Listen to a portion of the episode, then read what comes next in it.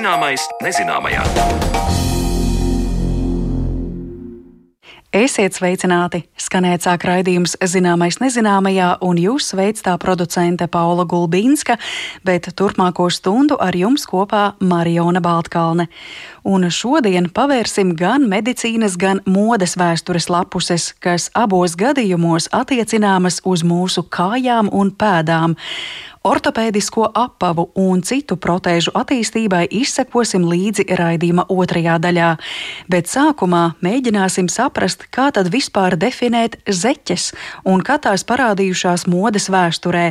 Ja runājam par zeķēm, tad te būtu jāmin gan īsās zeķītes sportošanai, gan plānās dāmu zeķes, bet līdz mūsdienu tradicionālās zeķes tapšanai cilvēki izmantoja citas tehnoloģijas, kur princips bija Galvenais, lai kājām silti. Dosimies uz modes muzeju Rīgā un tuvāk iepazīsim zeķu evolūciju kopā ar muzeja projektu vadītāju Agritu Grīnvaldi. Tajos laikos, kad bikses vēl nevalkāja, kāju sasildīšana bija īpaši svarīga. Bez šaubām bija dažāda veida primitīvi apavi pīti no lūkiem, no kaut kādām, teiksim, augušķiedrām, tika izmantotas dzīvnieku ādas, un pēc tam jau vēlāk arī audumi. Savā ziņā šie apģērba accessori pildīja zeķu funkciju, bet gluži par zeķiem tās nosaukt nevarētu. Tur bija kājauti, un teiksim, no kažokādas kaut kādi šūti vai aptinami, kājās velkami apģērba gabali nelieli, kas nav apavi. Tātad viņiem nav zola, viņi nav domāti staigāšanai pa zemi, viņi ir domāti vilkšanai iekšā apavos, lai pasargātu kāju sasildītu. Es iedomājos, kā tas vizuāli varētu izskatīties. Tātad vēl pirms parādās bikses, stilbi ar kaut ko tiek notīti pēdas ar kaut ko tiek notītas, un tas viss tiek ielikts vēl kaut kādos apavos. Pēdas. Tas bija atkarīgs no klimatiskās joslas. Tur, kur bija siltāks, tur uh, izplatītākais kāju apavu veids bija dažāda veida sandalas. Ļoti bieži tās bija pītas sandalas, tās varēja būt no ādas loksnītēm sandalas. Ja tur bija silts, tad zeķes īsti vispār nebija vajadzīgas. Lai gan, piemēram, zināms, ka tie paši romiešu karavīri Viņi savās tajās ādas sandalēs tomēr zeķes vilka iekšā. Tas ir atkal šī mūsdienīgā tēma par zeķiem sandalēs. Paskat, ko mums atklāja vēsture, bet ir arī kāds pētījums apliecinājums, kāpēc sievietes mūsdienās nevar ciest, kad vīrietis uzvelk sandalis kopā ar zeķēm. No vienas puses varētu teikt, atbilde ļoti vienkārša. Nu, tas īsti labi kopā neizskatās. Bet no otras puses varbūt ir cits skaidrojums. Tur patiesībā tādas vienas versijas īsti nemaz nav. Tradicionāli gluži vienkārši tiek uzskatīts, ka sandale ir apaus, kas jāvelk basā kājā. Tas ir vaļējs apaus, kas ir domāts siltam laikam, karstam klimatam un domāts attiecīgi, lai kāja elpotu, lai kāju varētu vieglāk atvēsināt. Un tad šī zeķa sandalē šķiet absolūti neloģiska, jo tas ir kā solis atpakaļ pretējā virzienā. Un tiek uzskatīts, ka cilvēks, kurš tā tad velk šo zeķi, viņš it kā nav tik izglītots, lūk, viņš nepārzina šos likumus. Lai gan patiesībā ļoti daudzi, īpaši vīrieši, pamatoti uzsver, ka starp zeķi un kurpi vai zābaku un sandali basā kājā, pietiek vietas arī vēl kādam starposmam, kas varētu būt uh, zeķa sandalē. Un tur ir dažādi apsvērumi. Gan netīrās pilsētas ielas putekļainās, gan tas, ka varbūt ne visiem ir uh, gluži tā pēda tik estētiski pievilcīga, ka gribētos visiem to rādīt un visiem citiem gribētos uz to skatīties. Pēda ir ļoti jūtīga, tur ļoti daudz nervu. Un, protams, ka uzvilkt zeķi, savā ziņā tu jūties vairāk pasargāts un tava pēda ir drošībā, neatkarīgi no tā, ko tu pēc tam velc virsū. Tur ir dažādi aspekti, bieži vien ļoti individuāli, bieži vien tas ir gluži vienkārši pieredums. Cilvēks ir pieradis vilkt zeķes. Un pat tad, ja ir silts laiks un slēgti apavi vairs nešķiet tik piemēroti, arī tai sandalē automātiski tā zeķi Nu, gluži vienkārši ievelkas. Es personiski tajā neko tādu tik šausmīgu nesaskatu. Ja tas ir atbilstošā vietā un laikā, tad tas ir ikdienišķs vasaras. Tas nav nekāds formāls pasākums vai oficiāls striktu ģērbšanās stilu, tad tas ir visnotaļ pieļaujami. Tas atkarīgs no cilvēka paša estētiskās izjūtas. Un, ja kādam nepatīk, nu, gluži vienkārši var uz to neskatīties. Ar vīriešiem zeķēs un sandalēs būsim tikuši skaidrībā, bet sarunā ar modes muzeja Rīgā projektu vadītāju Agritu Grīnvaldi vēlāk top skaidrs, ka arī sievietēm ir savs zeķu un sandaļu stāsts. Tiesa, šajā gadījumā tas izpaužas kā sieviešu nevēlēšanās vilkt zeķu bikses kopā ar, piemēram, siksniņu kurpēm, pat ja labais tonis paredz, ka zeķēm smalkos pasākumos ir jābūt kājās esam uzkavējušies senākā vēstures posmā, kad par tradicionālo zeķi tika pieņemts kaut kas pavisam cits, bet kad sāk parādīties kaut kas līdzīgs mūsdienu zeķēm. Te arī būtiski atcerēties, ka bikses ir modes vēstures jauns elements. Tas parādās 19. gadsimtā, tāpēc jautājums, kā tad līdz tam ģērbās vīrieši un sievietes, stāstu turpina Agrita Grīnvalde. Protams, ka zeķes vīriešiem parādījās vēl pirms 19. gadsimta. Tas ir saistāms ar Renesanses laiku, kad vīriešiem bija izteikti greiznas, bet īsas bikses, kuplas, bieži vien apjomīgas. Un īpaši sākot ar 16. gadsimtu, kad Anglijā tika izgudrota zeķu adīšanas mašīna, tā tad ierīce, kas padarīja šo procesu krietni, krietni ātrāku. Šīs zeķes bija tieši vīriešiem, arī sievietēm, gluži vienkārši vīriešiem vairāk tās varēja redzēt ļoti, ļoti izsmalcinātas. Tās varēja būt adītas no zīda, īpaši bagātiem cilvēkiem, karaļiem, augstmaņiem. Attīstoties koloniālismam, parādījās arī kokvilna, kokvilnas diegi, bet zīds palika tāds īsti smalko zeķu karalis. Un būtībā šīs tā laika vīriešu zeķes ļoti daudzējādā ziņā atgādina tās garās zeķes, ko sievietes valkā teiksim, īpašos gadījumos, kas ir īpaši pievilcīgas. Apmēram tādas pašas, tikai biezākas, blīvākas. Un, uh, viņi visnotaļ izrādīja savas kājas, un uh, glītas kājas tas bija katra vīrieša lepnums. Tā ka šī zeķu evolūcija patiesībā tur bija tāds periods, kad sieviešu un vīriešu zeķes krietnus gadsimtus bija salīdzinoši līdzīgas. Tātad, ja mēs runājam par augstākajiem sabiedrības slāņiem, tās ir zīda zeķes, tās var būt krāsainas, tās var būt ar rakstiem, kas mazliet virs ceļa vai atsevišķos gadījumos zem ceļa ir nostiprināts ar īpašu zeķu prievīti. Vīriešu gadījumā tā zeķis varēja būt garāks atkarībā no tā, cik īsas bija bikses, bet nu, sieviešu gadījumā bija šis mazliet virs vai mazliet zem ceļa, jo tērpi bez šaubām bija gari. Jā, bet citādi šīs zeķes vīriešiem un sievietēm bija patiesībā ļoti, ļoti līdzīgas. Tiešām līdz šim 19. gadsimtam, kad vīriešu garderobē īsbikses nomainīja garās bikses, Un, attiecīgi, šādu garu zeķu nepieciešamība vairs nebija aktuāla.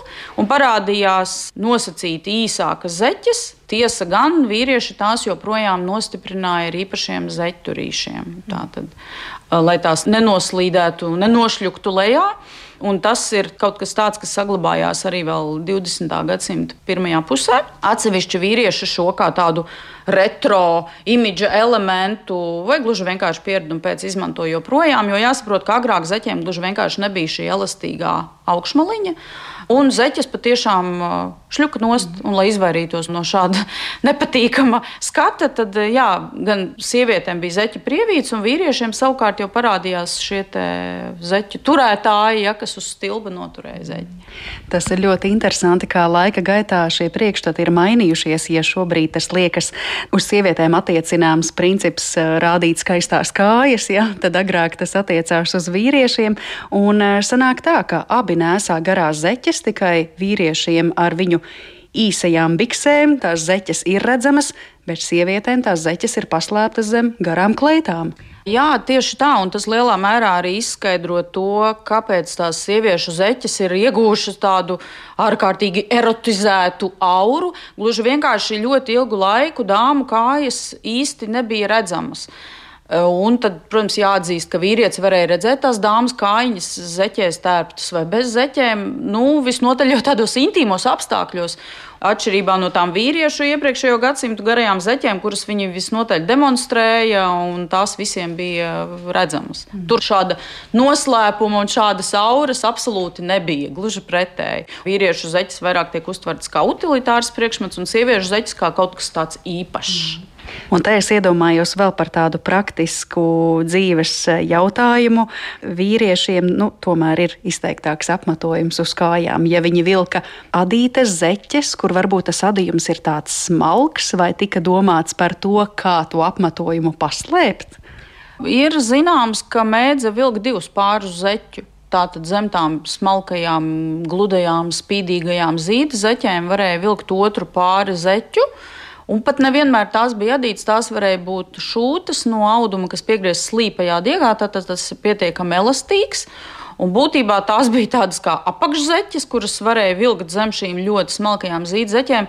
Jo tur arī jāsaprot, ka tās zīdzeķes, kaut gan viņas bija daudz, daudz biezākas un blīvākas nekā mūsdienu zeķu bikses, viņas būtu tādas kā mūsdienās, teiksim, ziemā, rudenī valkājums. Tik un tā viņas, protams, varēja saplīst, uzirt, un ņemot vērā tās visai astronomiskās cenas, kādas bija kvalitatīvām zīdzeķēm. Protams, ka pat turīgi cilvēki centās izturēties gan uh, saudzīgi ja, pret šo accessoāru. Es tieši arī gribēju jautāt, vai zeķes bija visiem sabiedrības slāņiem pieejamas?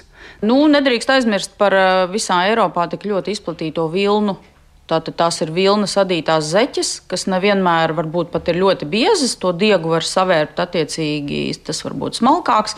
Un to mēs redzam arī pēc dažādu Eiropas valstu tradicionālajiem tērpiem, ka vilnas zeķe ir tas, ko vēl kājās. Un tur arī varbūt parādās šis dalījums starp augstāko slāņu sabiedrību un vienkāršākiem cilvēkiem. Ja augstāko slāņu pārstāvji, kuri nestrādā fizisku darbu, neko daudz ar kājām nestaigā, kur nu vēl pa kaut kādiem, teiksim, dubļainiem ceļiem vai kur, tad eh, tā atšķirība ir tāda, ka augstāko slāņu pārstāvji vēl kā šīs smalkās zīda zeķes un nosacīti šie vienkāršie cilvēki, strādnieki Viņiem, piemēram, varēja būt vilnas zeķes. Lauku apvidos vilna, ko ieguva cilvēki un apstrādāja paši, tas bija pieejams materiāls. Savukārt zīds, kas būtu jāieved, jāpērk kaut kur pilsētā, būtu nesamērīgi dārgs. Tādēļ šis nošķīrums patiesībā ir ļoti pragmatisks, ļoti racionāls. Man pat tīri labi patīk šī ļoti veselīgā pieeja, jo es nedomāju, ka mūsu klimatiskā ziema vai rudens un zīda zeķis būtu kaut kas tāds ļoti viegli savienojams un apvienojams. Un to arī, piemēram, rāda 20. un 30. gadu Rīgas prese ka tiek nosodītas šīs dāmiņas, ja, kuras smalkās kurpītēs un zīda zeķītēs skrien pa pilsētu, un tas, ka viņām augšdaļā varbūt ir tas kažociņš vai mētelis, nekādu neatsver to, ka tās kājas ir gandrīz plikas. Jo tur ir tā vai nu zīde, vai tā saucamā fildepersa zeķe, ja, kas nekādu lielu siltumu nedēļ. Tā kā šī laucinieku pieeja zeķēm, kā tādam ļoti funkcionālam, nepieciešamam priekšmetam, patiesībā ir tuvāka tam, kā mēs ģērbamies un uztveram apģērbu mūsdienās. Pēc tam, kad parādījās arī kokvilna, kokvilnas rūpniecība ļoti strauji attīstījās īpaši Anglijā, kur būtībā visa industriālā revolūcija balstījās tieši jā, par un ap tekstilu, aušanu, vērpšanu un tā tālāk. Tad parādījās arī šāda alternatīva. Un tur ir vēl tas interesantais fakts, runājot par šīm vilnas zeķēm vai tādām vienkāršākām zeķēm. Kādreiz gadās dzirdēt vēl šādu tādu apzīmējumu zilzeķe. Mhm. Un attiecībā tieši uz sievietēm tam ir tāda negatīva piekrāsa. Un, patiesībā sākotnēji tur nemaz tā pieskaņa tik ļoti negatīva nebija. Tās bija smalkas aristokrātiskas dāmas, kas bija nolēmušas rīkot ballīšu vietā tādus intelektuālākus vakarus, uz kuriem viņas aicināja dažādus pārstāvjus. Un tad kādā no šīm reizēm viens šis uzaicinātais cilvēks teica, ka viņš nu, īsti nevar atnākt, jo viņam nav tās smalkās zeķes uz ko šī lēdija viņam esot teikusi, nu, tas nekas, jūs varat nākt savā parastajās zilajās zeķēs. Jo tās ikdienas vilnas zeķes bieži vien mēdz būt tolaik tādā zilpelēkā krāsā. Un tā, tā bija šī atcauce uz tām ikdienas zeķēm. Un visam šim dāmu pulciņam un visai šai kustībai pielipa šis apzīmējums zilzeķe. Mūsdienās par zilzaķiem mēdz dēvēt sievietes, kuras ir varbūt um, nu, tādi sausiņi, tā varbūt varētu teikt, kas ir varbūt ļoti iegrimušas kaut kādā savā profesionālajā vai intelektuālajā jomā. Un, diemžēl ar tādu negatīvu pieskaņu, jo ilgu laiku, jo, protams, tika uzskatīts, ka sievietēm tas viss nepiedien.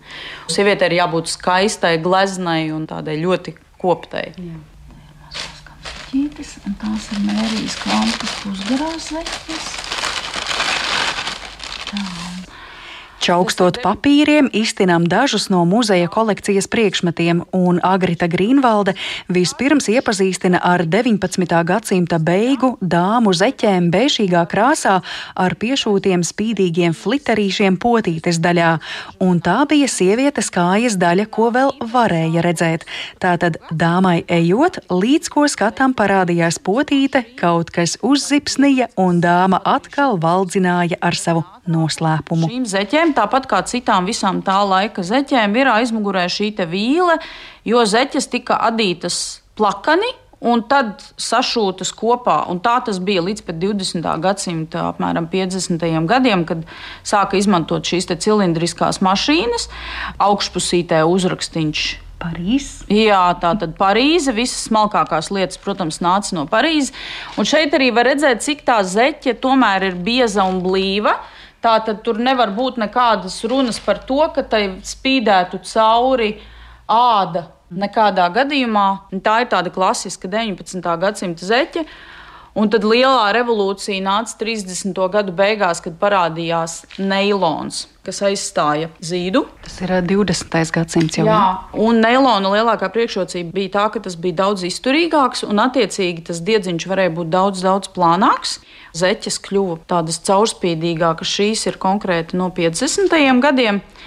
Un te var redzēt, jau kā aizmugurē vairs nav vīlītes, tātad tās jau ir adītas cilindriski. Pirms tam bija šī aizmugurē vīlīte, tātad visi 20, 30, 40 gadi. Un tas ir tā nianses, kas ļauj datēt arī dzen, zeķes. Un var redzēt arī, cik ļoti lielā mērā šī zeķe ir pielāgota kājas formai, tātad tur, kur ir tā saucamie ikri. Ja? Tātad stilpa šie muskuļi, tur ir tāds paplatinājums, potītes daļā ir jūtams uh, sašaurinājums. Uh, augšdaļa ir biezāka un blīvāka, kur attiecīgi zeķis stiprinās pie zeķura. Un tā eh, zeķura tēma ir vēl viena diezgan interesanta lieta, jo tātad šīs zeķu prievītes 19. gadsimta beigās, 20. gadsimta sākumā sāka nomainīt jau tādi zeķuri, tādā mūsdienīgā izpratnē, tātad, kuriem varēja piestiprināt šo zeķi. Parasti tie bija piešūti jau pie korsetes un tikai pēc tam kļuva jau par tādu atsevišķu zeķu šo jostu. Un tad šīs zeķu prievītes no tādas apsienamas aukliņas laika gaitā pārtapa jau tādās ar elastīgākiem elementiem kas nu, attiecīgi labāk veic to savu funkciju, bet gal galā tomēr tika nolemts, ka šis apvienojums, ka tie zeķurīši ir klāti pie korsetes, ir funkcionālāks, ērtāk lietojams un valkājams. Pēc tam tātad korsetes būtībā lielā mērā pazūd no sieviešu garderobes un paliek šī zeķura josta. Savukārt 60. gados nāk vēl viena liela revolūcija, kad zeķu vietā parādās zeķu bikses. Un diezgan strauji zeķu, sieviešu dāmas zeķis aiziet pagātnē, un vietā nāk zeķu bikses, kas labāk sadara kopā ar to liek tik aktuālajiem minisvārkiem. Jo, protams, ka zeķuri un zeķis un minisvārki nav īpaši savienojams. Un šeit var redzēt. Um, Zeķītes no britu zīmola, tātad britu modes dizainera Mērija Kvanta. Uh, Mērija Kvanta tiek uzskatīta par vienu no minisvārku popularizētājām, un tos bija iespējams vilkt kopā ar kvantas ražotajām zeķēm un zeķu biksēm dažādās krāsās. Mēs aplūkojam kvantas radītas zilas tīkliņa zeķes. Padomju perioda zeķes nebija tik izsmalcinātas. Mēs apskatām fabrikas Aurora ražotas sieviešu zeķes rūsganā krāsā no kaprona, bet principi ievēroti līdzīgi kā neilona zeķēm. Arī te redzami izliekumi, lai pielāgotos kājas formai. 60. gados, kad faktiski dominēja tāds ļoti jauneklīgs sievietes tēls, tāda sieviete, bērns, sieviete, meitene, šis ir ļoti iederīgi. Jo, teiksim, agrāk šis nošķīrums bija tāds, un, teiksim, 19. gadsimta fotografijās var redzēt, bērnu māte ir tāda smalka dāma, viņai ir attiecīgi šīs zīda zeķes. Un tad sēž bērniņi, kuriem ir tās mazās zeķītes, visbiežāk baltā krāsā, nu, tas, ko mēs šobrīd saucam par kapzeķītēm. Bet īsti nevienam nenāca prātā, ka pieaugusi sieviete varētu tādas vilkt. Tas nešķistu pieņemami. Un tikai pēc tam šīs zeķītes arī attīstoties sportam, kas arī ļoti nozīmīgi sākumā kā pusgarās zeķes, un pēc tam jau mazliet saīsinoties, tās ienāk arī sieviešu, sieviešu garderobē. Mm. Mūsu acu priekšā fabrikas Aurora ražotās sporta zeķītes 90. gadu pašā sākumā ar sarkanu papēdi un purngalu. Kas ir interesanti, ka šeit jau ir ieslēptas nu, gandrīz tādas Latvijas karoga krāsas, Jā. kas bija diezgan izplatīti tajā laikā, kad mēs redzam, ka šī zīmīte klāt vēl ir Krievu valodā, un Latvija vēl nav neatkarīga valsts. Šādos te pat sīkumos jau parādās šīs vēsmas, kas kopumā ir sabiedrībā, tieksme pēc neatkarības un uh, brīvības idejas. Nu, visticamāk, kāds meistars vai meistara bija ierosinājuši šādu krāsu salikumu, un tas kaut kā bija veiksmīgi ticis apstiprināts.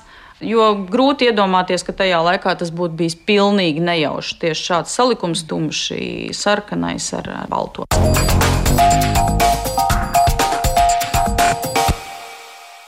Zeķu vēsturei būsim izgājuši cauri, bet raidījuma otrajā daļā mūs sagaida stāsts par ortožu un protēžu vēsturi. Tas viss jau pēc brīža.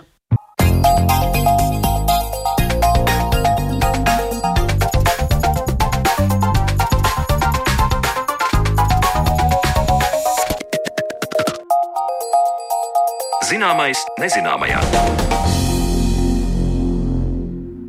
Tehnisko palīgu līdzekļu centri un veikali mūsdienās piedāvā plašu klāstu ar ortopēdiskajiem apaviem, kas cilvēku ikdienu nevien padara ērtāku, bet tiek pat domāts par īpašiem dizainiem šādiem apaviem.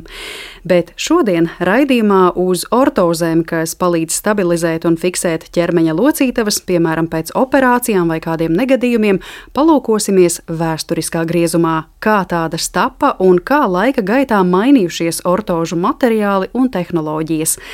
Un kā viesi sarunā par šo tematu esam aicinājuši Paula Stradiņa medicīnas vēstures muzeja pētniecības nodaļas galveno pētnieku Mārtiņu Vesperi. Labdien, Mārtiņ! Labdien! Nu, sāksim tad ar eh, pirmsākumiem, kas nereti ir visgrūtāk atbildāmais jautājums. Nu, kad tad ir tie pirmsākumi, kad mēs varam sākt runāt par to un to? Nu, es arī šajā reizē pamocīšu ar šo jautājumu, vai ir zināmas tādas agrīnās liecības, piemēram, par ortozēm, par ortopēdiskiem risinājumiem vai jebko tādu, nu, kas līdzinātos tam, ko mēs mūsdienās saucam par ortozēm. Ortopēdija vai ortoz un viss šīs protēžu izgatavošana, tas nav nekas dziļi jauns. Protams, tā forma, kādu mēs šodien viņu redzam, nu, teiksim, tā mūsdienu, to mēs varētu teikt, tas ir veidojies no 19. gadsimta. Bet, protams, pirmās ortozes un pirmās protēzes faktiski ir atrasts jau gan senajā Eģiptē, Eģiptes materiālos, gan senās Irānas materiālos, jo pētnieki ir atraduši gan uh, ziloņa kaula aci, acu protēzi tā gribētos teikt, Tāpat ir atrasts arī kājas lielā īkšķa ziloņa kaula protēze, kur datējas aptuveni 3. gadsimta pirms Kristus. Tad jau dziļi senatnē cilvēki tomēr gribējuši, ka saka, slēpt savus šos te fiziskos defektus. Protams, jautājums, kas ir bijuši šie cilvēki, spriežot pēc šiem arheoloģiskos izrakumos, pēc kaulu materiāla, varam teikt tā, ka tā bijusi nu, vai nu aristokrātija, vai nu kāda ļoti augsta ranga priesteru kārta, kam šie tīri izgatavoti, pie kā atrasti. Ir arī eh, atsevišķi gadījumi, kur ir aizdoms, ka tas varētu būt arī saistīts ar dziedniecēm, teiksim, arī ar priesteru kārtu.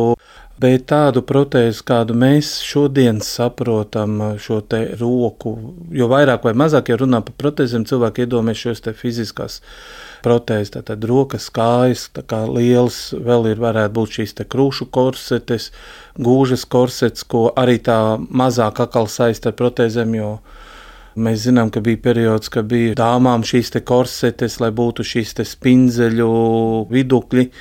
To mēs īstenībā varētu saistīt ar renesanses laiku, jo ir zināms, ka renesanses laikā jau sāk izgatavot ļoti tādas smalkas no metāla taisītas rokas, kuras pat kustās. Jautājums, vai viņas vispār ir lietotas.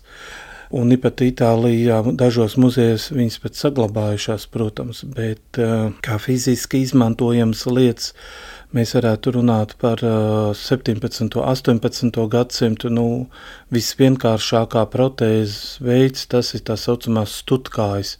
Varētu viņu saukt arī par tām saucamām pirātu kājām. Mm. Mēs no ortozēm tā glauni pārgājām pie stāsta par protēzēm, un eh, varbūt tur tā robeža arī nav tik eh, asi nocērtama. Tātad protēžu kontekstā mēs runājam par mākslīgām rokām, mākslīgām kājām, par acu aizvietotājiem arī, ja? mm -hmm. bet, piemēram, ortozes, nu, tad īstenībā jautājums, ko mēs tā saprotam ar ortozi vēsturiski, jo tagad, ja mēs, piemēram, tīmeklī ierakstam vārdu ortoze, mēs uzreiz atrodam šos dažādos internetus interneta veikalus, kur ir dažādu materiālu veidoti risinājumi, ko var aplikt ap locītavām, lai noņemtu sāpes pēc operācijām un tā tālāk. Nu, senatnē viņus eh, senos katalogos viņus nevis sauc par ortozēm, bet sauc par dažādām bandāžām, visādu veidu vēdera bandāžu un tā tālāk, ar ko aptīt un nosiet. Protams, arī mūsdienās šis vārds tiek lietots. Jāsaka tā, ka pirmie veikali šādi specifiski domāti kā saka, bandāžām. Nu, bandāžām, protēzēm, jebkam, jo īstenībā viņi uh, nav tā īsti, negribētu teikt, nodalīt, ka būtu atsevišķi vienam un atsevišķi otram. Viņi jau parādās no 19. gadsimta, kad vispār sāk attīstīties šie tirdzniecības nami, šie veikali un veikali tādi, kādi mēs saprotam šodien veikalu iepirkšanās centri, teiksim, šie te nami. Pirms tam, protams, bija dažādi darbnīcas, kur izgatavoja, bet eh, tas apjoms bija salīdzinoši niecīgs, jo kādreiz vispār tas eh, priekšstats par to izgatavošana un kam pienākās, bija arī ļoti, nu, teiksim, tā, šodien, ja mēs cenšamies jebkura apkalpot, vai par viņa paša naudu, vai par pašvaldības, vai valsts, vai kādu citu līdzekļiem, tad uh, kādreiz tas pamatā viss gāja tikai uz pašu cilvēku rēķinu, un tad līdz ar to mēs ļoti labi zinām, ka lielākā daļa sabiedrības nevarēja to atļauties. Mm. Un līdz ar to gribētu arī jautāt, kas bija tie apstākļi, kas sekmēja tās situācijas, ka cilvēkiem ir vajadzīgas lūk šīs bandāžas, ja? vai mūsdienu valodā ortozes. Nu, visu viņus lieto šos terminus. Principā jau ir tā, ka, ja mēs runājam par visu to, tad varam iedalīt vairākos punktos. Pirmais punkts būtu kara radītās traumas, sakropļojumi, Otrs punkts varētu būt šīs te tehniski radītās traumas. Tas ir piemēram rūpnīcas, kā attīstās rūpniecība, fabrikās, kad cilvēkam var nejauši iekārtā tikt ierauta roka vai sakropļoti pirksti un tā tālāk, vai kaut kas salūst un tad eh, traumēt cilvēku. Arī satiksmes negadījumi, kad transporta līdzekļu skaits pieaug. Protams, sākumā tas būs zirgu transports, kur arī cilvēki pakļūt zem ratiem gūt traumas. Jo jāatcerās, ka uh, tolaik nebija, ja vēl runā par 19. un pat 20. gadsimta sākumu, nebija tādas antibiotikas, kā šodien bieži vien pēc smagām traumām varēja sākties tā saucamā asins aindēšanās, gangrēna rezultātā amputācija, un tā rezultātā cilvēkam ir nepieciešami šie līdzekļi, palīgi līdzekļi, mākslīgie. Treškārt, tās ir dažādas slimības, visvairāk mēs varētu runāt tieši par kaulu tuberkulozi, kas arī var atstāt smagas sekas. Un tad vēl varētu izdalīt eh, kā tādu ceturto punktu, tas būtu nelaimes gadījumi. Tie var būt eh, dažādas dabas katastrofās gūtās traumas un eh, daudz kas cits. Nu jā, un ja tās ir saslimšanas, tad, protams, tās skar dažādas ķermeņa daļas, tostarp, piemēram, kājas un pēdas, un tā visa rezultātā varbūt pamazām laika gaitā attīstās vajadzība pēc tā, ko mēs mūsdienās saucam par ortopēdiskajiem apaviem. Bet pirms mēs runājam par apaviem, gribētu arī saprast vairāk šīs nozares attīstību. Mēs jau iezīmējam tos pirmsākumus, tātad kara apstākļi slimības, kas soli pa solim aizveda līdz sapratnē, ka mums vajag palīdzības rīkus, bet nozara, piemēram, kā ortopēdija, kas apzina tās vajadzības un rūpējas par pacientiem, tam mēs varam izsekot līdzi vēsturiski. Protams, nu, no šodienas skatu punkta, ja mēs runājam teiksim, par Krievijas impēriju, kuras sastāvā mēs bijām, tad mēs te varētu pieminēt 19. gadsimtu īstenībā. Pirmais, kā jau es minēju, tie varētu būt šie speciālie veikali, piemēram, jau 1870. gados Maskavā ir tāda firma kā Švābes tirdzniecības nams, kurā tika pārdoti gan dažādi medicīniskie, ķirurģiskie instrumenti, un sāk pārdot arī dažādus šos ortopēdiskos izstrādājumus, bandāžus un tā tālāk. Daļu no viņiem ieveda, jo ļoti attīstīta šī ortopēdiskās protēzes bandāža bija Vācijā, ražoja un tad šeit pārdeva. Ir zināms arī, ka piemēram tepat Rīgā bija vairākas firmas eh, jau 19. gadsimta teiksim, beigās, 20. gadsimta sākumā, piemēram, firma Magrāfs, Kristians un Sēlings, kuri dibināti 19. gadsimta 70. un 80. gados, un uh, kura arī pārdeva dažādus gan ķirurģiskos, gan medicīniskos instrumentus, palīgi līdzekļus dažādus, un tā skaitā arī dažādas medicīniskās korsetes. Viņi arī izdeva savus katalogus, Jo nebija tā, ka tas cilvēkam tikai jādodas uz to viņu tirdzniecības namu vai uz to firmu. Bija katalogi, bieži vien eh, no Maskavas sūtīja uz Rīgu, ārsti, privāti ārsti nopirka, cilvēks tur skatās to katalogu, tad pasūtīja. Un tie katalogi ir ļoti skaisti, un tur ir ļoti viss smuki redzams. Otrs eh, lieta ir, kā šo slimnieku apkalpoja, kā viņš tika klāt pie šī materiāla. Ja šodien mēs zinām, ka priekš katra slimnieka tiek individuāli nu, teiksim, taisīts, ja mēs runājam par protēzēm, šīs protēzes eh, sagatavs un viss, ka tas process nenotiek tik ātri. Tad 19. Eh, gadsimtā arī eh, sākumā nebija tā, ka cilvēks iegāja veikalā, teiksim, šī tirdzniecības namā un parādīja pirkstu, es gribu to. Mm. Kaut gan ir apraksts, ka Francijā un arī Anglijā ir bijis tā, ka tu aizēji uz meistaru darbnīcu, Bieži vien meistars tas varēja būt eh, cilvēks, kas darbojas ar ādām, kas taisa eh, apaus, un tad viņš gatavo šādas visādas ortozes eh, materiālus, vai varbūt pat protēzes var izgatavot, jo bieži vien jau šīs ortopēdiskie, piemēram, mākslīgās kājas, viņas jau ir taisītas no metāla un ādas komponentiem. Un tad pārdeva uz vietas, un tad bija tā, ka cilvēkam varēja nederēt, jo nebija individuāli taisīts. Bet eh, atgriežoties par Krievijas impēriju, varam teikt tā, ka pirmā Krievijas impērijā iestāde, kur sāk aprūpēt šos cilvēkus invalīdus, protams, pirmais uzsvars ir kara invalīdi. Tā ir eh, Pēterburgā 1883. Eh, gadā dibinātā Marijas patversme sakropļotajiem karavīriem. Kāpēc tieši tajā gadā un ne ātrāk vai vēlāk? Iemesls ļoti vienkāršs.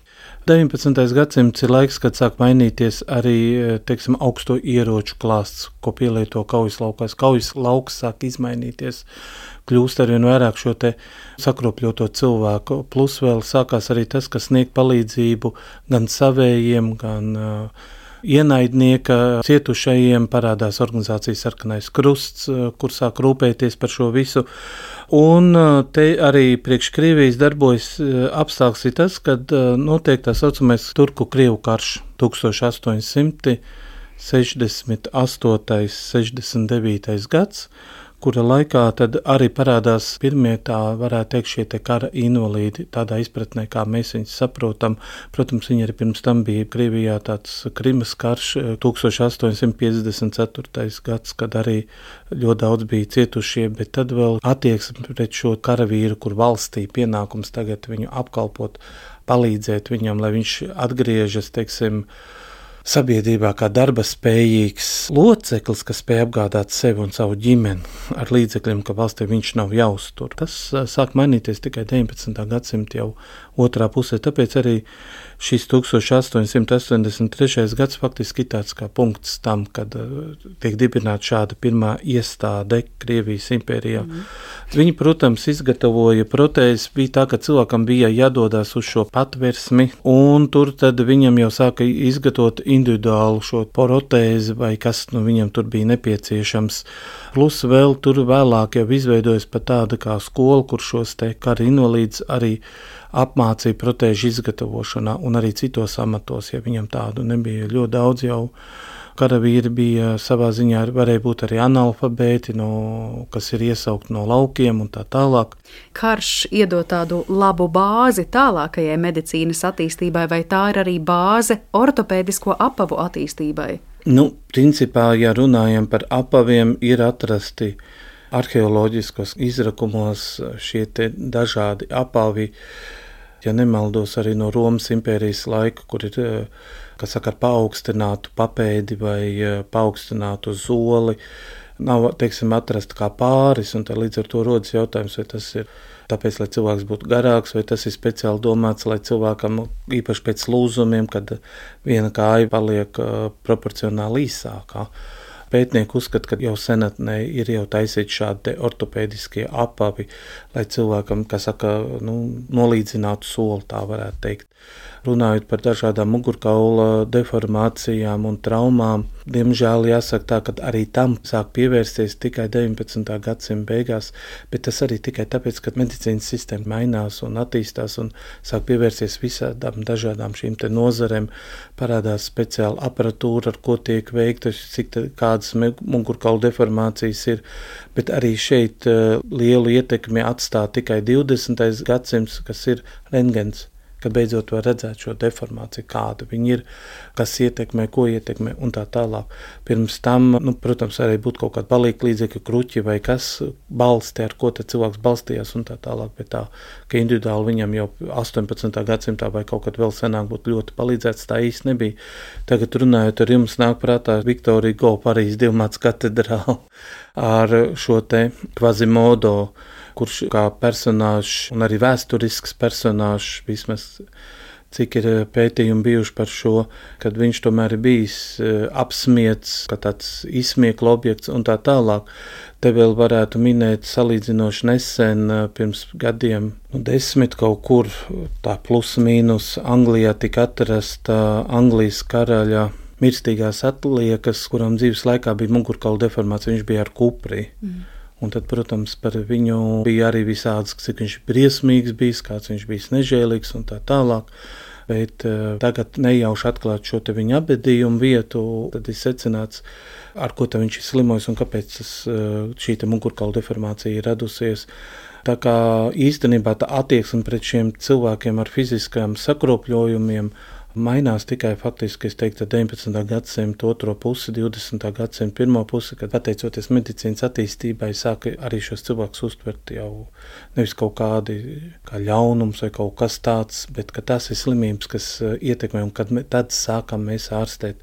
Ja runājam par protēzēm, mēs jau tikpat labi mēs varam runāt par zobu protēzēm, jo te jau arī ir būtiski kādas protēzes tiek gatavotas vai tas ir tīri kosmētiskās vajadzībām, vai tas ir tīri, lai fiziski cilvēkam palīdzētu. Nu, vēl viens, ja kosmētiski, tad mēs varētu teikt, tas ir parūks, un mēs zinām, ka parūku laiks sāks ar 16. gadsimtu, kad uh, gan uh, Anglijas karaliene Elizabete I, gan vēlākā laikā cenšas slēpt šos defektus ar to, ka viņiem mati faktiski ir izkrituši, jo viņi kosmētikā lieto svinu un dzīvesudrabu un dažādas citas līdzekļus, ko tolaik neuzskatīja par kaitīgiem, bet kas eh, atstāja ļoti smagi ietekmi uz ķermeni un tā rezultātā sāka parādīties šādas lietas, jo arī lietojot šos smagos metālus, nu, diemžēl tika panākts arī, ka zobi izkrīt. Un tad parādās šīs zobu protēzes, un kā tās aizstāja, nu, vislaikam slavenākās zobu protēzes ir tā saucamā Džordža Vašingtona zobu protēze, kur ir zelta stīpiņa un viss.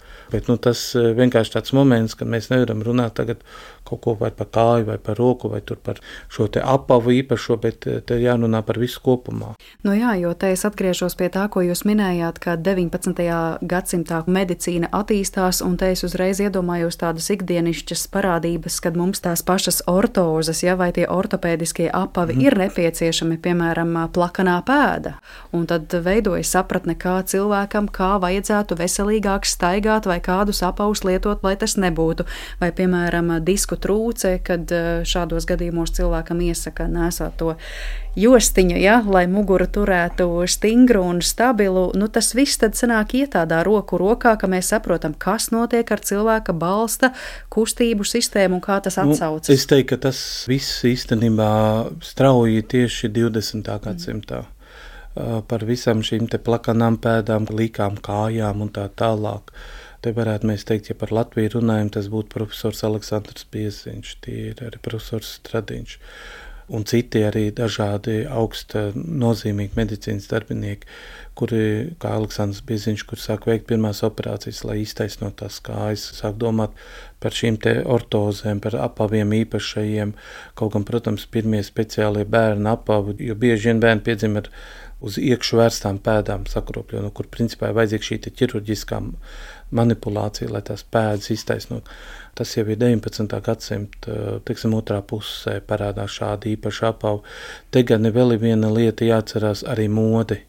Ļoti lielu lomu spēlē arī mode, un varētu teikt tā, ka daļai pie mūsu ķermeņa problēmām bieži vien tā ir mode. Tas ir piemēram, kad jau no 19. gadsimta modē nāca, ka mazi bērni ir apģērbti kā pieaugušie cilvēki visām šīm kurpītēm, ar visiem šiem korsetēm un tā tālāk. Tām pašām eh, korsetēm, kad ir jābūt tam saucamam sisī viduklim, jeb eh, lapseņu viduklim, nu, Austrijas imperatora sisī. Jo tīvāks viduklis, jo nu, tu esi tur skaistāk un tā tālāk. Tas jau arī eh, faktiski veicināja dažādas pēc tam veselības problēmas Un tad sanāk, it kā iet atpakaļ ceļu, vai ne? Ka mēs lietojam varbūt kaut kādus rīkus, lai panāktu, ka izskatāmies tā. Mode var sekmēt to, ka mēs savu organismu sagraujam, piemēram, ar kaut kādiem noteiktiem apaviem vai šīm korsetēm, ja? mm. un tad mums ir jāiet šis atpakaļ ceļš, uh, lai atgrieztos pie veselības, lūk, ar protēzēm, ortozēm. Nu, jā, savā jā. ziņā jā, nu piekrīt, jā, ka tas tā ir, bet, uh, ja runājam, atgriežoties atkal pie tām pašām protēzēm, tad te jāsaka tā, ka uh, Tomēr 19. gadsimta beigas, 20. gadsimtā ne jau modes dēļ sāk parādīties ortopēdijas darbnīca vai kas tas tiek radīts tikai tādēļ, lai cilvēkam sniegtu palīdzību. Lai cilvēks nevis lūgtu cita palīdzību, bet lai viņš pats varētu sev palīdzēt, sevi uzturēt. Un tas varbūt tās ir tas būtiskākais, kas varbūt no šodienas nedaudz gribētos teikt atšķirās, kad mums ir cilvēki ar dažādām problēmām. Mēs nevis viņam mācām varbūt tās amatu vai ko, bet viņam visu laiku sniedzam pabalstu. Bet tolaik būtiskākais bija arī, lai šie cilvēki ar dažādām problēmām, lai viņi iemācās par sevi paši rūpēties. Tāpēc, ja, piemēram, 19. gadsimta otrā pusē Eiropā sāk parādīties speciālas skolas kurlajiem, aklajiem, īpaši zēniem, kur viņi iemācās vai nu galdnieka darbu, vai nu kurpnieka darbu. Viņi kļūst par ļoti labu kurpniekiem. Akli zēni, kas izaug pa vīriešiem, ir kurpnieki, jo viņi perfekti zina savu darbu. Tad viņi iegūst šo amatu, viņi kļūst neatkarīgi. Un arī šīm protēzēm, visām, jebkura veida viņām funkcija ir palīdzēt cilvēkam kļūt neatkarīgam. Ja viņam kājas nav, tad, tad viņam tika izgatavots speciāli ratiņkrēsls, uz kuru viņš balsties, vai tas ir reāls ratiņkrēsls, vai tas ir kāds cits pārvietošanās līdzeklis, bet tā, lai viņš būtu neatkarīgs un lai viņš var pats par sevi parūpēties un sevi uzturēt. Tāpēc jau ir tā, ka tieši tā militārā joma ir tā, kas varbūt sāk veicināt to strauji. Un bieži vien ir tā medicīnā, un varbūt arī citās nozarēs, ka sākumā kas tiek radīts, teiksim, lai grautu, lai iekarotu, vai arī lai sniegtu palīdzību saviem, pēc tam pāriet civilajā pārvaldē. Tā mēs varētu teikt arī par šo ortopēdijas nozari Latvijā, kad eh, pēc Pirmā pasaules kara Latvijā bija ļoti daudz kara invalīdi 1919. gadā tika reģistrēti 1300 kara invalīdi, kuriem jau tajā pašā gadā 32 no viņiem, tātad tas iznāk 2% tiek izgatavotas dažādas šīs protēzes vai sniegt palīdzību, kas no viņiem ir nepieciešams. Un tā rezultātā, lai būtu tā, ka te pat Latvijā ir tāds, kas gatavo nevis, ka cilvēkam jāpērk no Vācijas un tad jāpielāgo, tad jau ar valsts atbalstu organizācija Latvijas sarkanais krusts izveido pie sevis šādu darbnīcu, kura faktiski beigās kļūst par dominējošo un vienīgo tādu lielu izmēru iestādi, kas izgatavo šīs dažādu formu, veidu, ortozes, protēzes un tā tālāk. Un jāsaka tā, ka viņi apkalpoja ļoti lielu skaitu, un viņu primārais bija tiešām sākumā kara invalīdi, un tad nāk šie civilisti. Vēlāk jau uz 20. gadsimta 20. gadu vidu sarkanais krusts jau sāk ļoti intensīvi apgādāt arī civilpersonas.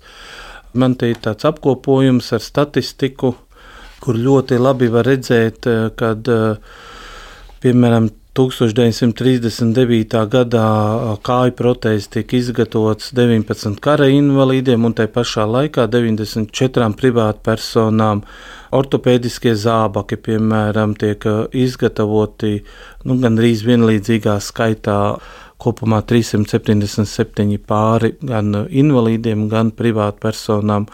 Un jāsaka tā, ka tas arī apjoms un dažādība, ko viņi izgatavo, īstenībā nosedz visu. Vienīgais, ko sarkanais krusts var būt tās neizgatavoja, tas ir acu protēzes. Jā, un interesanti, ka zem šī nosaukuma ortopēdiskie priekšmeti tiešām ir tik daudzas un dažādas lietas. Tur ir protēzes, kas daudz ir ienākušas mūsu sarunā, bet arī korsetes un bandāžas un kruķi, arī ratiņi pašbraucēji un spieķi, nakts stieņi kājai.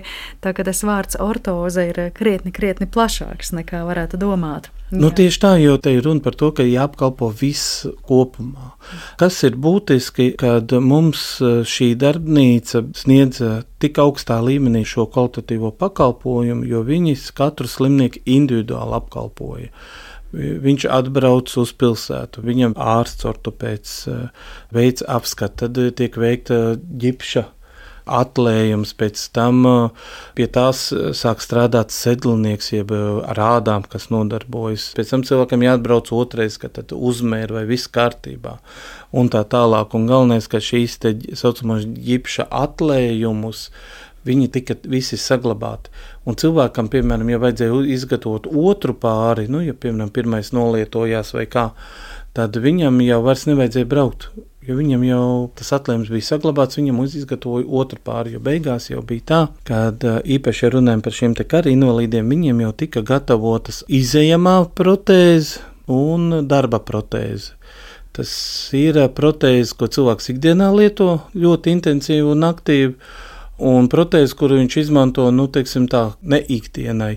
Un tā rezultātā, piemēram, Pauli Stradīja medicīnas vēstures muzejā mums ir protēzes, kuras jau ir, ja runājam piemēram par kāju protēzēm, kuras ir tā nolietots, jo kāju protēze nav tikai kā kāju protēze, bet tā ir ar visu tā saucamo kurpi zābaku vai kurpi, tā varētu teikt, kad kurpi ir pilnīgi sabrukusi un tās vietā ir uzlikts koka gabals tikai, bet vienalga viņš lieto to. Plus vēl interesants ir moments, kad eh, šīs te dažādie ortopēdiskie priekšmeti, kas tika izgatavoti, viņi oficiāli vienalga skaitījās Latvijas sarkanā krusta īpašums, pat tad, ja tu to biji nopircis.